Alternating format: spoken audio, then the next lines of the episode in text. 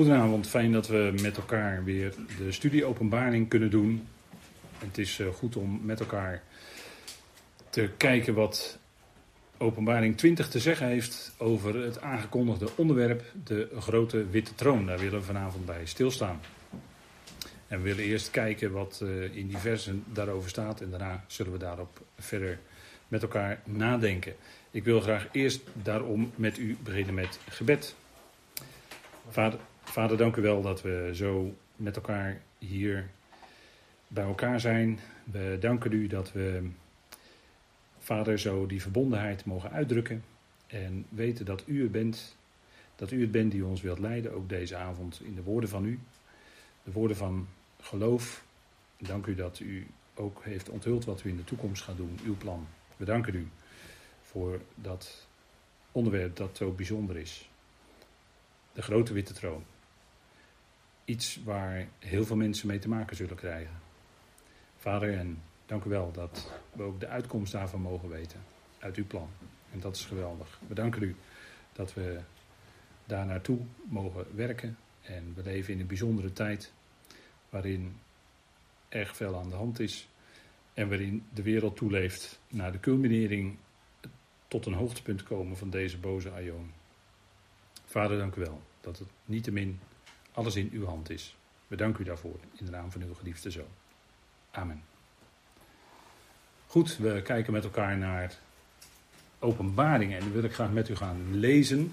En wellicht eh, kunt u dat uh, opzoeken, maar u kunt thuis ook meekijken in de slides die getoond worden op het scherm. En we beginnen te lezen in Openbaring 20, vers 11. En daar staat: En ik zag een grote witte troon en hem die er bovenop zit, voor wiens aangezicht de aarde en de hemel vluchten. En er werd voor hen geen plaats gevonden. En ik nam de doden waar, de grote en de kleine, staand voor de troon.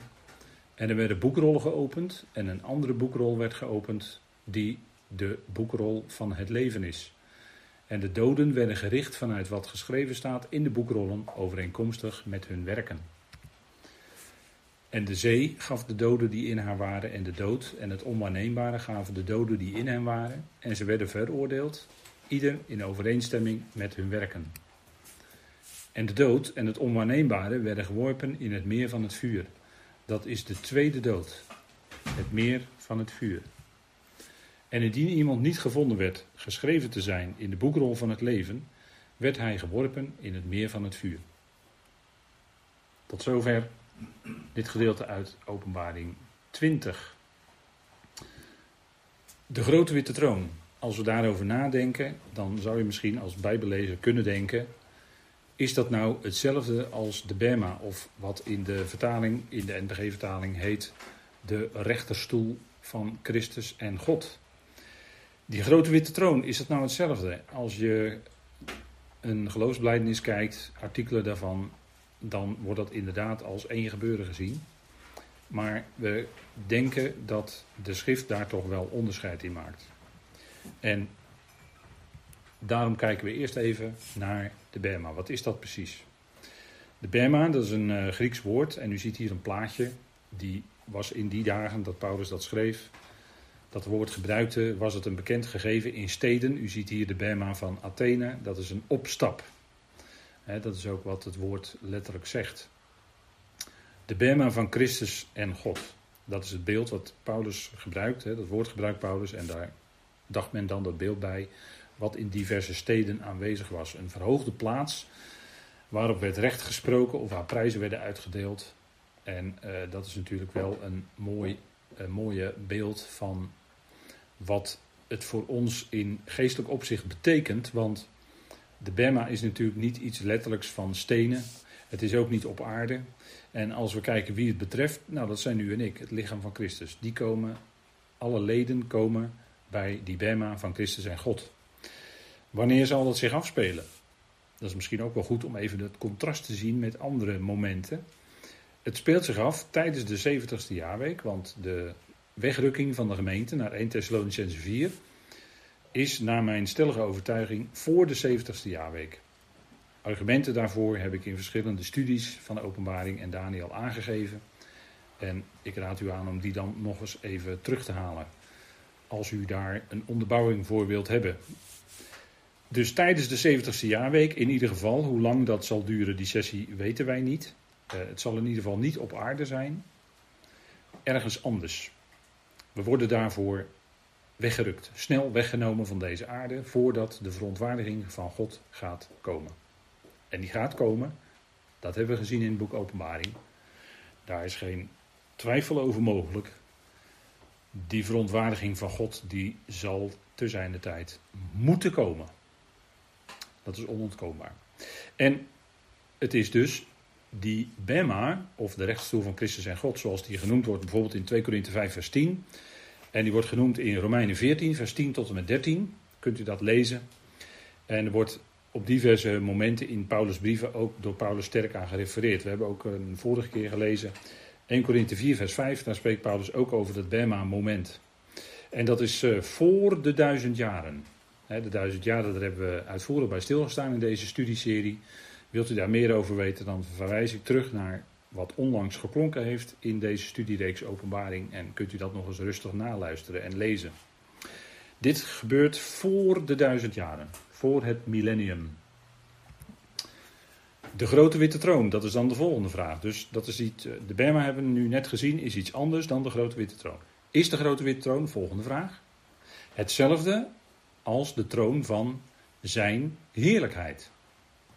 En zijn is dan de zoon des mensen, de zoon van Adam. Zoals dat in Matthäus 25, vers 31 tot en met 46 beschreven staat. Daar staat geschreven over de troon van zijn heerlijkheid. En dan zal hij daar zitten, de Heer Jezus Christus, als de zoon van Adam. En hij zal daar als een herder de schapen van de bokken scheiden. En het gaat daar om volkeren. Volkeren. En dat is een ander moment dan de grote witte troon. Want bij de grote witte troon gaat het om individuele mensen, gaat het niet om volkeren. De troon van zijn heerlijkheid, wie betreft dat? De volkeren behalve Israël. Het criterium wat daar genoemd wordt in Matthäus 25 is hoe zij de broeders van de Heer naar het vlees behandeld hebben. Er wordt helemaal niet gesproken in Matthäus 25 over evangelie. Er wordt alleen maar gesproken over hoe zij de broeders van de Heer hebben behandeld. En op grond daarvan worden de volkeren van elkaar gescheiden als schapen en bokken. En volkeren die de broeders van de Heer, die Israël slecht behandeld hebben, die zullen komen in de eonische, en dan staat er het woord niet pijniging, maar er staat afsnijding. Het woord kolasis in het Grieks. En dat betekent afsnijding of insnoeiing. Is misschien beter gezegd nog, insnoeiing. Dus niet deel hebben aan de zegeningen in de komende duizend jaar. Dat is het criterium voor de volkeren. Heeft dus niets te maken met een individueel gericht over mensen. En dat is, uh, daar hebben ze veel mensen al angst mee aangejaagd in allerlei kerken en groepen. Wanneer zal dat gebeuren? Na de 70ste jaarweek en voor de duizend jaren. Dan zal hij zitten op de troon van zijn heerlijkheid. En dan zullen de volkeren en de leiders, misschien ook als ze nog leven, moeten komen voor die troon. Dan moeten ze komen. Dan de grote witte troon. Wanneer zal dat gebeuren? Wie betreft dat? Nou, wie betreft dat? Alle ongelovigen van de mensheid. Alle ongelovigen zullen daar moeten verschijnen. Grote witte troon. Is natuurlijk ook in principe beeldspraak. Maar ze zullen in ieder geval voor Christus en dus ook voor God. Maar Christus voert het gericht uit zullen zij moeten komen. Alle ongelovigen. Dus dat is uh, een troost, denk ik, als je weet dat als uw kind ongelovig is en sterft, of tijdens het leven, voor zover u dat meemaakt, niet gelooft en daarna ook niet en uiteindelijk sterft, dan zal uw kind komen voor de grote witte troon. En op die grote witte troon, daar zit de Heer Jezus Christus. En zijn naam zegt het al, hij is redder. Dus zij worden daar geconfronteerd niet alleen met degene die hun richt, maar ook degene die hun redder is. En daarom is het een witte troon en geen zwarte troon. En het gericht heeft dan ook mogelijk te maken, maar dat zeg ik, u hoort het me zeggen, met de zondigende boodschappers. Daar hoop ik aan het einde van deze avond nog op terug te komen. De zondigende boodschappers. Wie zijn dat? Gaan we zien. Wanneer zal dat grote witte troongericht plaatsvinden? Dat gebeurt na de 70ste jaarweek en zelfs na de duizend jaren. En het gebeurt voor de komst van de nieuwe hemelen en de nieuwe aarde. Dus eerst die grote witte troon, het plaatje zegt het al, hè, wat u hier ziet op deze slide. Duizend jaar, grote witte troon. Dan krijg je het nieuwe Jeruzalem, dus de nieuwe hemel en nieuwe aarde. En uiteindelijk wordt de tweede dood teniet gedaan. En eindigt ook de regering van Christus. En dan is God alles in allen. Dat is het plan. Dat is natuurlijk fantastisch. Dat is geweldig. Dat is om je dagelijks over te verblijden. Als je s'morgens wakker wordt en je bedenkt daaraan. Dan zeg je dank u wel Heer dat het plan zo in elkaar zit. En dan heb je een, misschien wel een goede dag als je daarmee zo begint. Hè? Die, die, troon is groot. Daar wordt het woord mega in het Grieks gebruikt. Wat uh, langzamerhand in ons spraakgebruik wel een beetje is ingeburgerd geraakt. Hè? Dat is, uh, ik heb vanavond een mega kroket gegeten. Ja, ik niet, maar daar bedoel je dan mee dat je een hele grote kroket hebt. Misschien wel een. Uh, nee, ik ga het merknaam niet noemen.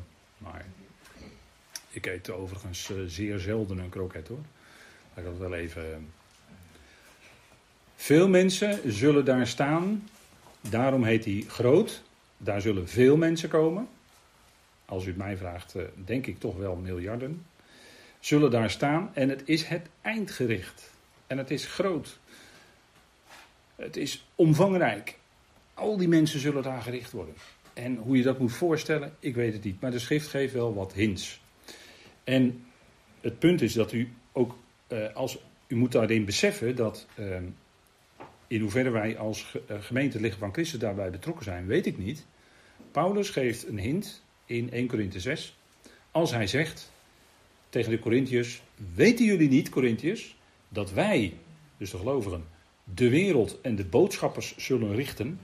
En ik denk vaak na over die opmerking van Paulus, wat het nou precies betekent en wanneer dat dan is. Zou het kunnen zijn dat wij dan toch iets te maken hebben met het gericht voor de grote witte troon? Dat wij de Heer als, daar als het ware assisteren. Misschien mogen assisteren. Of misschien enkele van het lichaam van Christus hem daarbij. Ik weet het niet. En als we het hebben over boodschappers. Dat wij ook de boodschappers zullen richten. Moet u maar eens over nadenken. Uw positie als lid van het lichaam van Christus is geplaatst boven iedere overheid en macht en kracht en iedere naam die genoemd wordt enzovoort. Leest u het eind van Efeze 1 maar. U bent als lid van het lichaam van Christus boven al die krachten en machten geplaatst. In de geest, in Christus, samen met Hem. Moet je even bewust zijn. Hè? Dat is een hele andere kijk dan dat aardse gevriemel wat wij hier elke dag en, en al die meningen en mensen en toestanden en problemen en tegenslag en voorspoed. En goed, daar, gaan, daar moeten we allemaal doorheen en dat is ook goed, dat moet ook zo zijn. Maar als je even weer even wat Efeze allemaal zegt over ons, je dat bewust wordt, dan ontstijgt dat even weer dat gewone alledaagse. En ik denk ook dat als we de studies Colossense volgen, en ik hoop dat u dat ook doet, Colossense.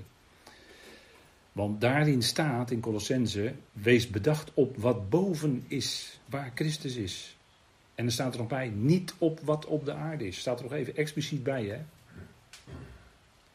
En, en je betrapt je toch als mens erop, als gelovige erop, dat je toch vaak met die aardse dingen bezig bent. En toch eigenlijk wel wat te veel met die aardse dingen bezig bent. Terwijl onze innerlijke blikrichting toch naar boven toe gericht is, naar onze Heer. Goed, het gaat om het eindgericht. De troon is wit. En is dat niet de kleur van het licht? Eigenlijk zitten alle kleuren daarin. Hè? Als je allemaal kleuren bij elkaar doet, dan wordt het wit. En als je alle kleuren eruit haalt, wordt het zwart. En dat is natuurlijk een contrast. Zwart heeft te maken met duisternis en dood. En wit heeft te maken met licht en dus ook met leven. Want licht en leven, ja, dat ligt zo dicht bij elkaar. Als u de eerste versen van het Johannesevangelie leest, dan kom je dat onmiddellijk tegen. Licht en leven is verbonden met de geest, is verbonden met het woord van God. En het is ook de kleur van Gods heiligheid van zijn rechtvaardigheid. We hebben gezien in openbaring dat de heiligen witte klederen hebben. Dat boodschappers witte klederen hebben. Toen de Heer verheerlijkt werd op de berg van de verheerlijking, veranderde zijn gedaante en straalde een wit licht uit. Dat is bijna een hendiadis, maar wit, licht. licht. En Gods woord maakt openbaar. Kijk, al wat openbaar maakt is licht. En we leven in deze boze aion die gekarakteriseerd wordt door het woord duisternis. Mensen hebben de duisternis, zegt Johannes in Johannes 3, liever dan het licht. Mensen doen de daden van de duisternis ook liefst als ze die aan ieders oog kunnen onttrekken. En dat gebeurt ook. En het is vaak, ook als je dat wel eens te lezen krijgt, is het te schandelijk om te noemen zelfs, zegt Paulus hè, in Efeze 5. Dus al wat openbaar maakt is licht. En waarheid is ook licht. De waarheid maakt je vrij. Met waarheid komt ook licht. Als je de waarheid weet, dan is het aha, zit het zo in elkaar. En ineens valt het licht erop. Hoe het zit, hoe het in elkaar zit. En als iets voor je duister is, dan weet je niet hoe het zit. Dan tas je rond en je, je, je, je probeert dit of je probeert dat. Of je, je bent zus bezig of zo bezig. En je, je struikelt over van alles. Maar als je kan leren wandelen en, en dat licht van God in je leven hebt. Dat licht van het evangelie in je leven hebt. Licht van hem. Dan zie je hoe het zit. Dan zie je hoe die wereld in elkaar zit. Dan zie je ook hoe duister het is om je heen. Geestelijk gezien. Hè? Hoe enorm duister het is. En hoe die duisternis steeds zwaarder invalt over deze wereld. Want dat is gewoon wat je ziet gebeuren. Maar licht, daar zal bij de grote witte troon, die is wit hè. Hem die er bovenop zit, daar wordt over gesproken hè. Hem die er bovenop zit, voor wiens aangezicht de hemelen en de aarde vluchten. Dat is de Heer Jezus Christus hè. Ze zien zijn aangezicht. En hij richt. Want in Johannes 5 vers 22 staat, en dat heb ik hier op deze slide even voor u ook vermeld, maar u kunt het ook opzoeken natuurlijk. Want niet de vader richt iemand, want niet de vader richt iemand, maar hij, dus die vader, heeft al het gericht gegeven aan de zoon. Dus degene die richt is de zoon van de vader, de zoon van God. Die zit op de troon.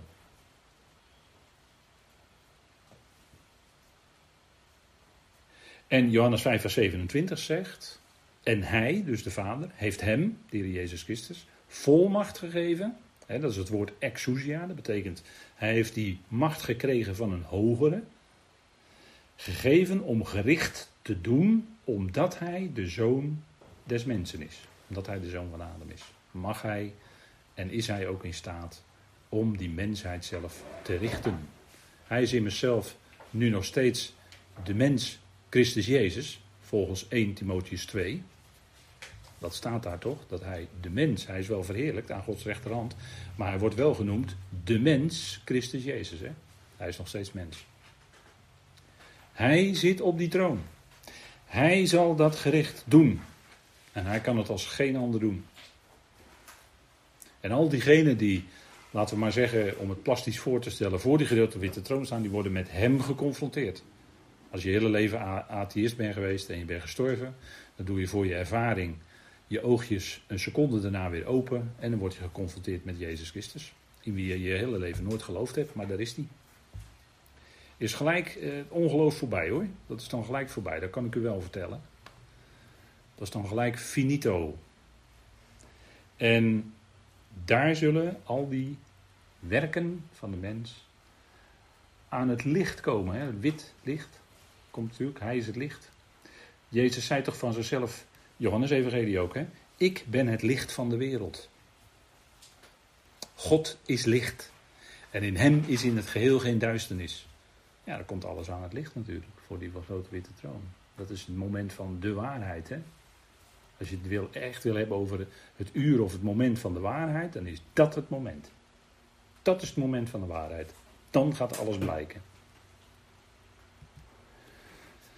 En hij is degene, en dus natuurlijk, uh, de Heer Jezus zei dat tegen zijn discipelen in zijn opstanding, mij is gegeven alle macht, alle volmacht, in hemelen en op aarde. Alsjeblieft. Dat kon hij zeggen, want hij had die volmacht van de Vader ontvangen. Dus we praten wel over de Jezus Christus. Hè? We praten wel over degene die boven alle schepselen, boven alle hemelingen gesteld is. Die zit op de troon. En daar wordt men mee geconfronteerd. Voor wiens aangezicht de aarde en de hemel vluchten. En er werd geen plaats gevonden. En dat, is natuurlijk, eh, dat vluchten is natuurlijk beeldspraak. Want eh, in werkelijkheid gebeurt er wat anders. Petrus die zegt daar iets over.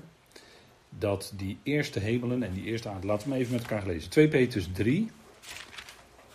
Want we passeren toch even in de tekst het moment dat dit gezegd wordt hè, van de Heer. Voor wiens aangezicht de aarde en de hemelen wegvluchten. En dan is het even goed om te kijken wat dat precies dan inhoudt.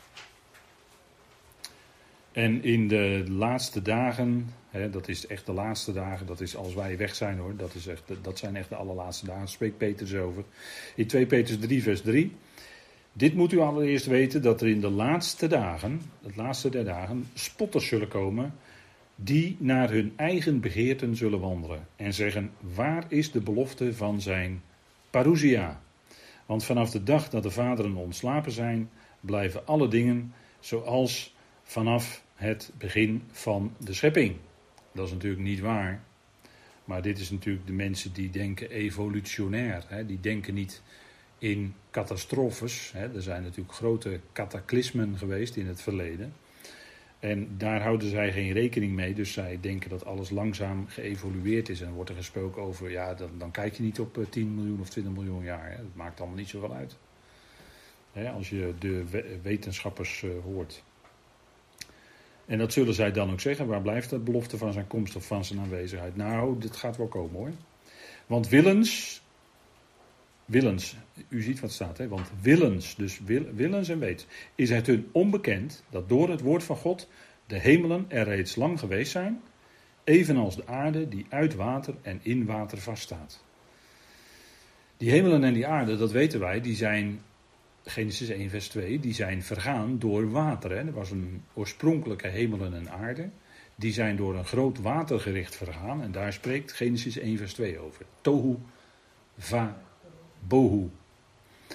Woestheid en ledigheid en duisternis vanwege het aangezicht van de afgrond. En alles stond onder water. Hemelen en aarde, het stond helemaal vol met water. En dan maakt God een uitspansel, een rakia, een uitspansel maakt hij dan in die wateren. En dan gaat hij een herstelwerk doen van zes dagen. En dat is dan de huidige hemel en aarde. Daar heeft Petrus het over. Hij zegt, daardoor is de wereld, vers 6, die er toen was, vergaan, overspoeld door water.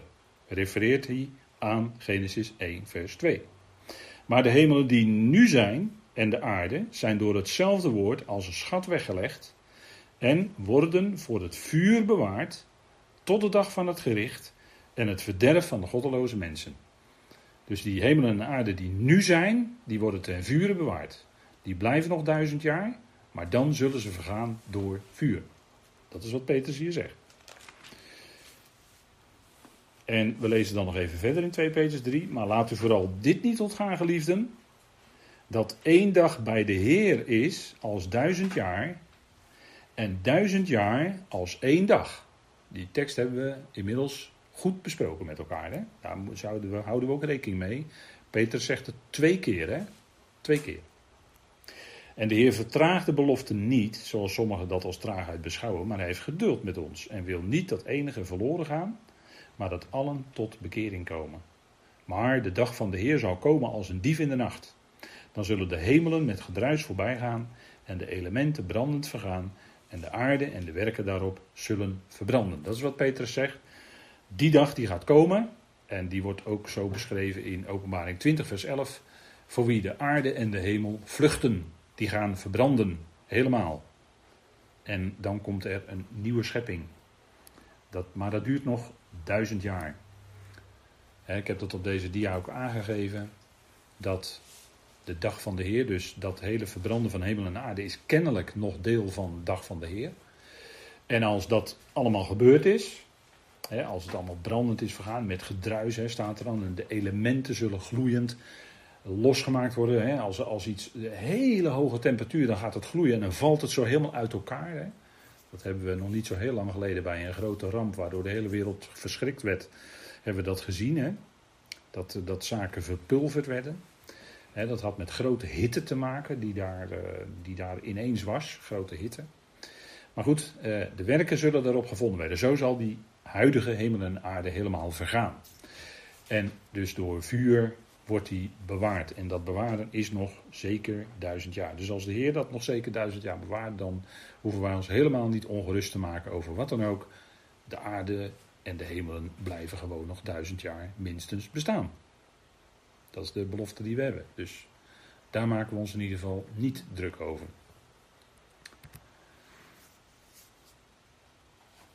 En wat we hier zien is, dat staat in Openbaring 20, vers 12. Daar zegt Johannes, en ik zag de doden. Hè, hij nam dat waar, maar ik heb het hier even vertaald met zien. Hè, dat is het Griekse woord eido, betekent waarnemen. Maar daar zit ook uh, het woord zien zit daarin. Hè. En ik zag de doden waar, ik, ik nam de doden waar. De groten en de kleinen staande voor de troon. En dat is natuurlijk een vorm van beeldspraak, zegt u, want doden kunnen niet staan. Klopt, ze zijn opgestaan. Maar waarom worden ze dan toch doden genoemd?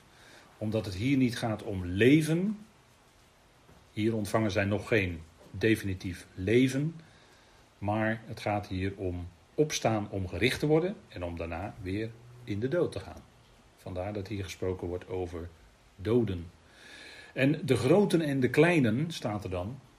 Dan denkt u aan uh, grote mensen en kleine mensen, dus ook kinderen. Ja, dat is heel goed mogelijk. Zo kun je dat, denk ik, wel bedenken. En misschien mag je dat ook figuurlijk opvatten. Uh, kleine mensen die in hun leven uh, niet belangrijk, althans in, het, in een wat groter geheel niet zo belangrijk zijn geweest. Hè. Er zijn natuurlijk bepaalde mensen in de politiek die zijn heel belangrijk, die zijn groot. Of mensen die zijn in een bepaalde kunst of in de muziek groot geworden of in de film of wat dan ook. Grote en kleine. Die komen allemaal voor de troon. Dus allemaal, iedereen is daar ook gelijk. Hè? Daar maakt het niet meer uit of je in je leven multimiljardair was of dat je niks te makken had. Dat maakt daar helemaal niet meer uit natuurlijk. Hè? We zeggen wel eens tegen elkaar: een doodshemd heeft geen zakken. Nou, rijkdom of dat je niet rijk was, dat maakt echt daar helemaal geen fluit meer uit. Iedereen is daar gelijk. En dat is natuurlijk ook zoals de Heer richt. Want we lezen in de schrift op diverse plaatsen, en het is wel boeiend om dat eens na te zoeken. Er staat echt wel meerdere keren in de schrift dat bij God is namelijk geen aanzien van persoon. Kijk, wij kunnen als mensen, even in het algemeen gesproken, hè, even in het algemeen gesproken, wij kunnen als mensen een uh, façade tegen andere mensen optrekken en uh, ons heel groot voordoen en heel mooi voordoen en uh, prachtig allemaal. En terwijl je misschien dan denkt van, joh, je, moet, je zou eens achter die façade moeten kijken. Zo, hè. Nou, dat, dat kan natuurlijk hè, zo zijn. Maar het punt is dat daar geldt dat helemaal niet meer. Bij God is geen aanzien van persoon. Wij zijn geneigd tegen mensen op te kijken die rijk zijn. Wij vinden dat zelfs uh, bijna een deugd. Nou, ik denk dat het, de schrift daar toch wel wat anders over spreekt. En dan is het helemaal niet verkeerd om rijk te zijn hoor. Want Paulus zegt, degenen die rijk zijn in deze aion. Nou, prima. En uh, hij zegt, uh, wees gemeenschappelijk. En hij maakt er helemaal geen punt van. Maar dan zegt hij wel, hè, ik denk nu even aan 1 Timotheus 6. Hè, hij zegt wel, maar kijk, die geldzucht, de geldzucht, de zucht naar geld of naar zilver, is, is een wortel van alle kwaad. Niet de wortel, maar een wortel. Er staat geen bepalend lidwoord daar in het Grieks. Maar is een wortel van alle kwaad. En ik denk dat die uitspraak vandaag aan de dag heel erg van toepassing is. De geldzucht is een wortel van alle kwaad. Want u heeft het denk ik wel eens vaker gehoord. Maar omkoping is aan de orde van de dag. Niet op laag niveau, maar vooral heel veel op hoger en nog hoger niveau. Daar is omkoping aan de orde van de dag. En dat is een heel belangrijk gebeuren. En daardoor worden hele hele grote dingen die in deze wereld bepalend zijn, in een bepaalde richting gemanoeuvreerd. En daardoor wordt de hele mensheid in een bepaalde richting gemanoeuvreerd. En ik meen dat uh, het honderd jaar geleden ook al werd gezegd. Ik meen dat broeder nog dat zo ook in zijn eigen commentaar opmerkte over openbaring. Money rules the world. Zij broeder nog al honderd jaar geleden. Hè? En ik denk dat het in, in de afgelopen honderd jaar alleen nog maar veel en veel sterker is geworden. Maar daar, voor die grote witte troon, maakt dat helemaal niets meer uit. Hoeveel geld je had. Niets. Iedereen is daar gelijk. En iedereen moet dat doorzoekende licht van God doorstaan. Ieders leven, die hele film van het leven gaat daar draaien. En het geweten gaat spreken. En de omstandigheden gaan spreken. En alles wordt afgeweken. Ook, zegt Paulus, de verborgen dingen van het hart. Want het verborgen heeft te maken met duisternis. En daar is het volle licht. Dus dat schijnt daar dwars doorheen. Daar heb je geen dingen meer om je achter te verbergen. En dat is ook wat hier gebeurt. Hè. Dit is de opstanding tot het gericht. Hè. Op diverse plaatsen wordt het ook genoemd. Daniel 12, vers 2, Johannes 5, vers 29. Zoekt u die teksten maar eens na. Daar wordt in één adem gezegd: Deze zullen opstaan ten leven en die zullen opstaan ten gericht. En dan denk je dat het om één gebeuren gaat, maar er zit een hele tijd tussen, blijkt later, als meer geopenbaard wordt.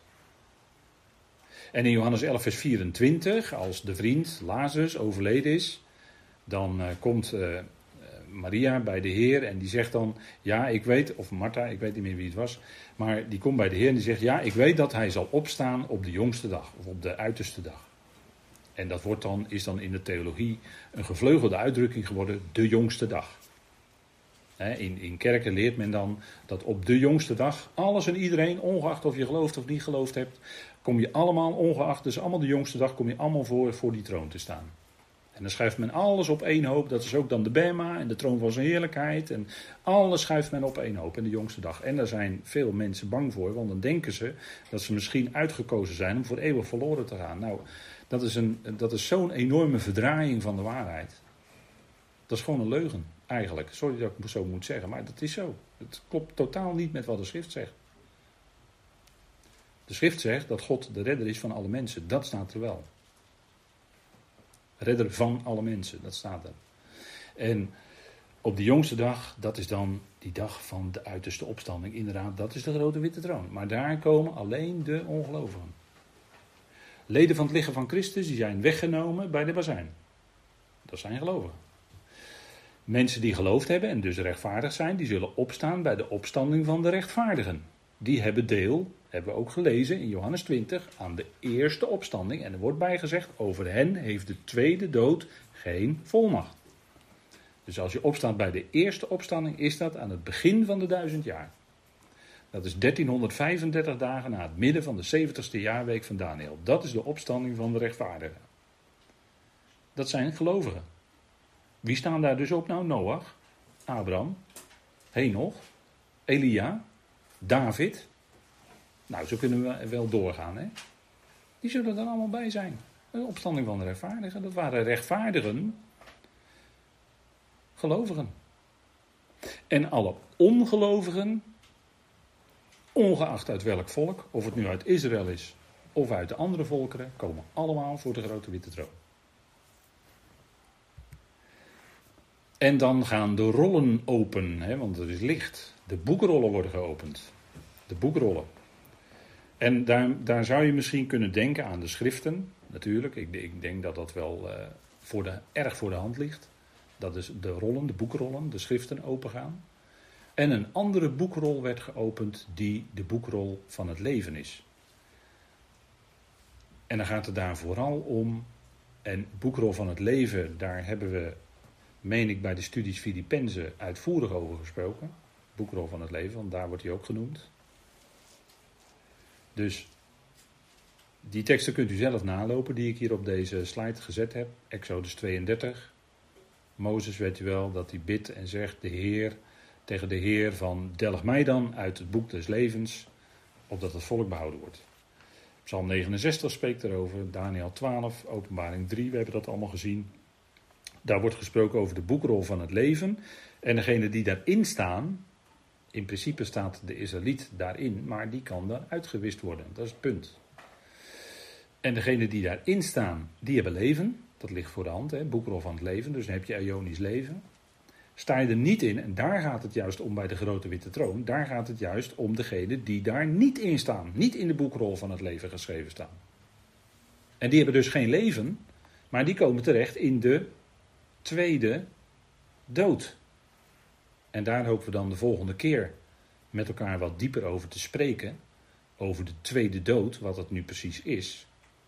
Maar eigenlijk is het heel eenvoudig, want het is gewoon dood. Het is de tweede dood. Dus geen leven. Zo simpel is het. Gewoon kijken wat er staat, lezen wat er staat, geloven wat er staat en je hebt wat er staat. Zo simpel is eigenlijk de schrift. Maar daar, is altijd, daar ontstaan altijd problemen. Als mensen dat anders willen zien of uitleggen of wat dan ook. Maar het gaat hier om de mensen die niet geschreven staan in de boekrol van het leven. En dat houdt verband, hebben we gezien in die studie Filippenzen, nou, anders moet u die dan maar eens naluisteren, met Israël. Het boekrol van het leven heeft te maken met Israël. En wat zegt Paulus? Paulus zegt iets over die sessie bij de grote witte troon. Er staat in openbaring 12 vers 20, en de doden werden gericht vanuit wat geschreven staat in de boekrollen, in overeenstemming met hun werken. In overeenstemming met hun werken. En natuurlijk zullen daar ook de diverse omstandigheden waarin mensen waren, de kennis die ze hadden, al dan niet, uh, de andere mensen, de, de, de, de situatie van de wereld, de situatie van het volk waar ze zich in bevonden, in die tijdspannen waar zij in leefden, zal allemaal meegewogen worden. Dat zullen we nog gaan zien. De heer Jezus geeft daar hints over. Paulus zegt in Romeinen 2 daar iets over. En dat zoeken we even met elkaar op. Romeinen 2. Romeinen 2.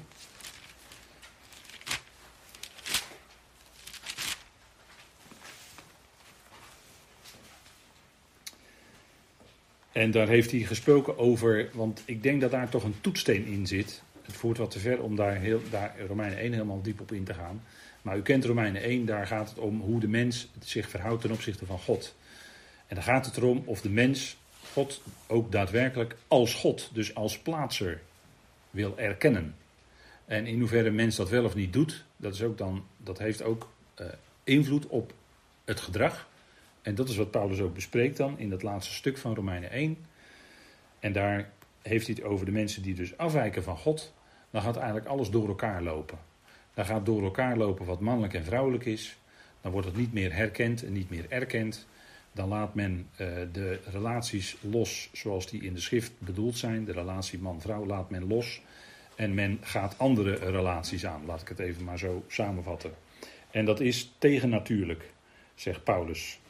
Bijvoorbeeld uh, in vers 26, hè, als, uh, omdat zij God niet als God erkennen, Hem niet als schepper erkennen, dan gaat alles dus door elkaar lopen, dan ontstaat er verwarring. Want je, je komt pas bij waarheid en de dingen recht als je dat lijntje naar God hebt, is dat lijntje er niet meer, dan gaat alles verward worden.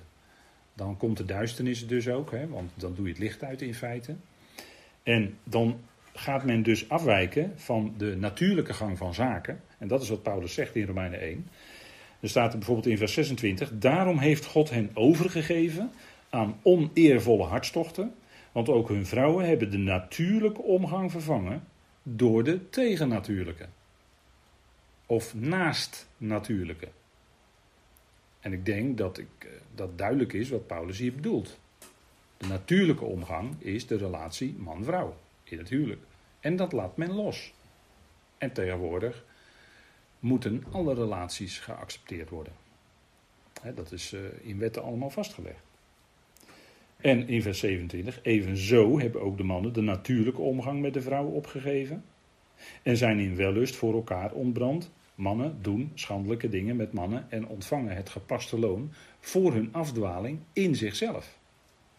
En omdat het hun niet goed dacht God te erkennen, heeft God hen overgegeven aan een verwerpelijk denken om de dingen te doen die niet passend zijn. Of de dingen te doen, zegt een oude vertaling, die niet betamen. En u ziet dat hier Paulus duidelijk die lijn aangeeft. Wijkt men af van God, dan gaat men de natuurlijke gang van zaken verbreken. En dan gaat men bezig met de naast natuurlijke gang van zaken. Dus dat is naast de natuur.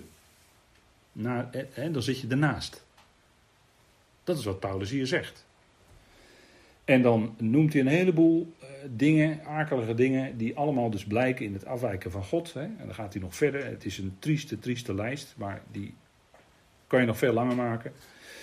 Vers 29. Ze zijn vervuld met allerlei ongerechtigheid, hoererij, boosaardigheid, hebzucht, slechtheid. Ze zijn vol van afgunst, moord, ruzie, bedrog, kwaadaardigheid. Kwaadsprekers zijn het, lasteraars, haters van God, smaders, hoogmoedigen, grootsprekers, bedenken van kwade dingen, weerspannig aan hun ouders, onverstandigen, trouwelozen, zonder natuurlijke liefde, onverzoenlijk, onbarmhartig. Ze kennen het recht van God. Dat zij die zulke dingen doen, de dood verdienen. En doen zij ze niet alleen zelf, maar stemmen ook in met hen die ze doen. Nou, u hoeft maar heel even om u heen te kijken in deze wereld. En u zult dit uiterst bedenkelijke rijtje tegenkomen.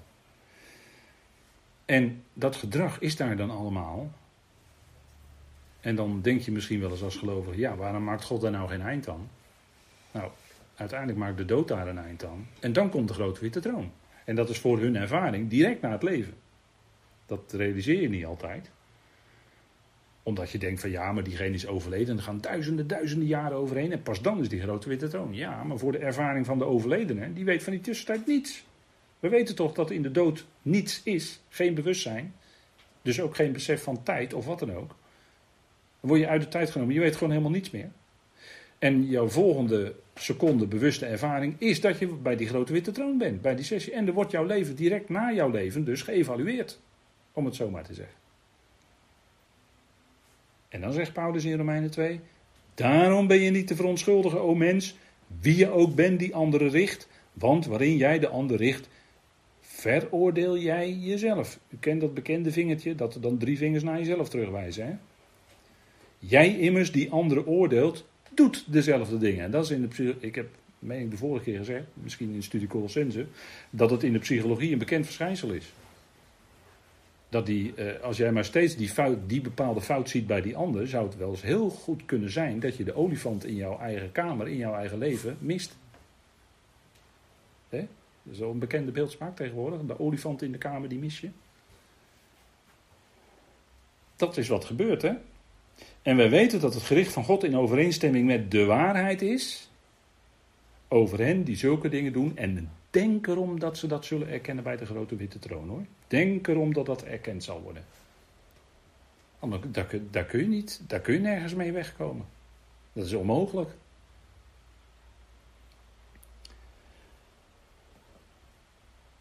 En jij, o mens, vers 3, die hen oordeelt die zulke dingen doen en ze zelf ook doet, denk jij dat je aan het gericht van God zult ontkomen? Retorische vraag.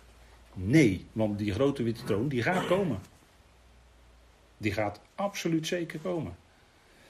Is er leven na de dood? Ja, we zijn waarachtig wel. Iedereen zal opstaan, alleen God bepaalt het moment van de opstanding. En dan komt het moment. Dan komt het erop aan.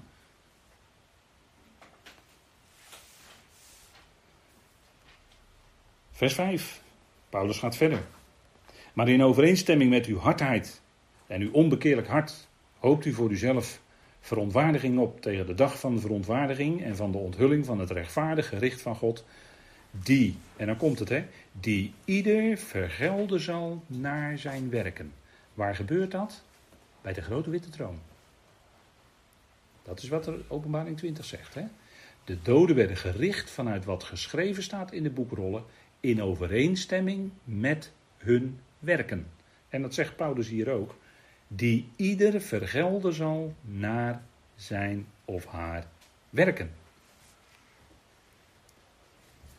En daar zal iedere ongelovige niet aan kunnen ontkomen. En dat is maar goed ook. Want het zal uiteindelijk leiden, dat is ook dat witte, het zal uiteindelijk leiden tot redding.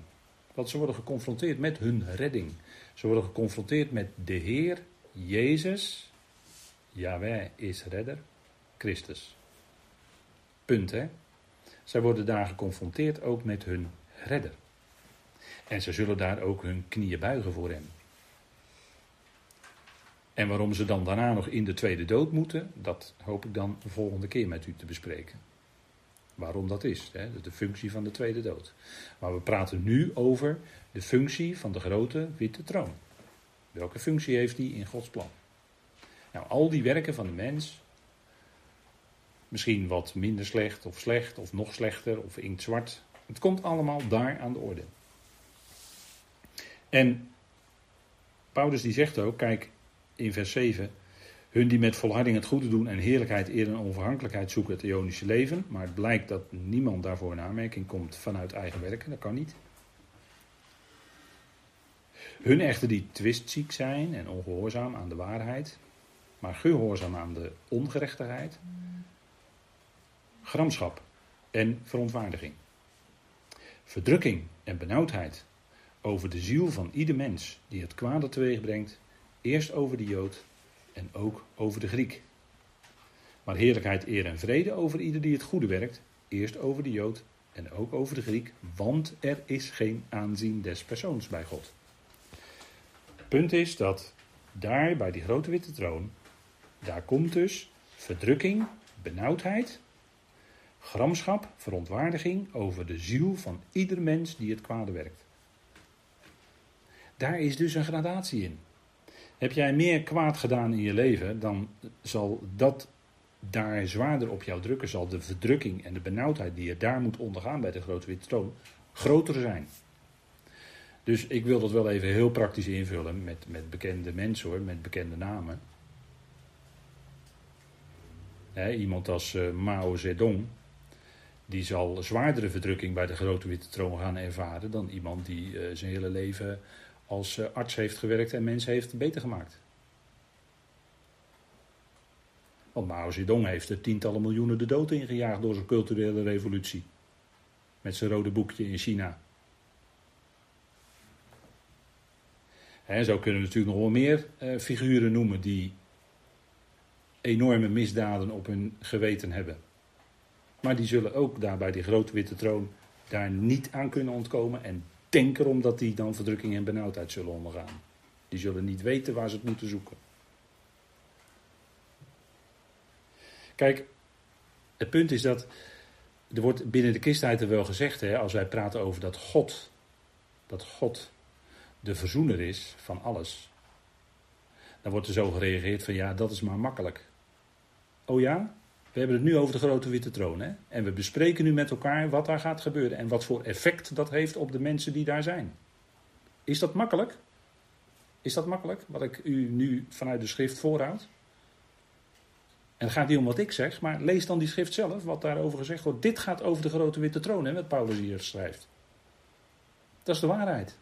Zo zal het zijn. Dus dat is allemaal niet zo makkelijk. En mensen komen niet maar overal zomaar mee weg. Dat is niet zo. Dat is een enorm misverstand. Alleen dat uiteindelijk God liefde is en dat hij de redder is van alle mensen, dat is ook waar. En dat is het eindoordeel, dat is het eindstation. Dan is er leven voor iedereen. Dan is God alles in allen. Allen dus, zonder uitzondering. Iedereen. Daar zal niemand ontbreken. Maar, dat is dus niet zomaar, de grote witte troon die gaat komen, jawel. En daar zal het gericht zijn.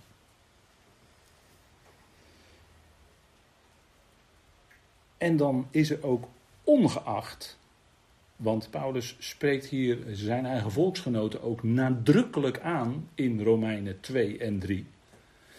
Dat niemand, ook al ben je een Jood, ook al heb je de wet en dat licht ontvangen, niemand zal aan dat gericht van God kunnen ontkomen. En het maakt dan niet meer uit of jij nou een Jood was of niet. Want bij God is geen aanzien des persoons. En dan kun je je beroemen op de wet en op het verbond enzovoort. Ja, ja. Maar dat maakt allemaal niet meer uit hoor, bij de grote witte troon. Het zal zelfs zo zijn dat degene van Gods volk en, en anderen die Gods woord hebben gekend en niettemin zich daartegen hebben verzet en ongeloof en noem alles maar op, die zullen juist door het meerdere licht een zwaarder gericht krijgen, omdat ze meer licht hadden. Degene die zondigt tegen licht, degene die zondigt en volstrekt in duisternis en niet eens weet waar tegen die zondigt, ja, oké. Maar degene die bewust zondigt, bewust tegen dat licht ingaat, ja, dat is een andere zaak. Want je had het licht, maar toch ging je er tegenin. Dat is een gradatie, hè? hebben we weer over verschil. Het is niet voor iedereen gelijk, die grote witte troon. Er zal voor de een meer verdrukking en benauwdheid zijn dan voor de ander. Dus kijk, als je inzoomt op die grote witte troon en wat de schrift daarvan zegt, dan wordt het duidelijk hè, wat er gaat gebeuren. En dat is een enorm belangrijk gebeuren. En het is ook groot. Vandaar een grote troon. En ook troon, want hij die daarop zit, dat is natuurlijk ook beeldspraak, maar die regeert daar, die heeft daar alle touwtjes in handen. En het, is, het gericht van God is naar waarheid op dat moment, naar waarheid. Dan komt het erop aan. En dat is maar goed ook. Dat is maar goed ook. Goed, we gaan even met elkaar een moment pauzeren en dan gaan we straks verder.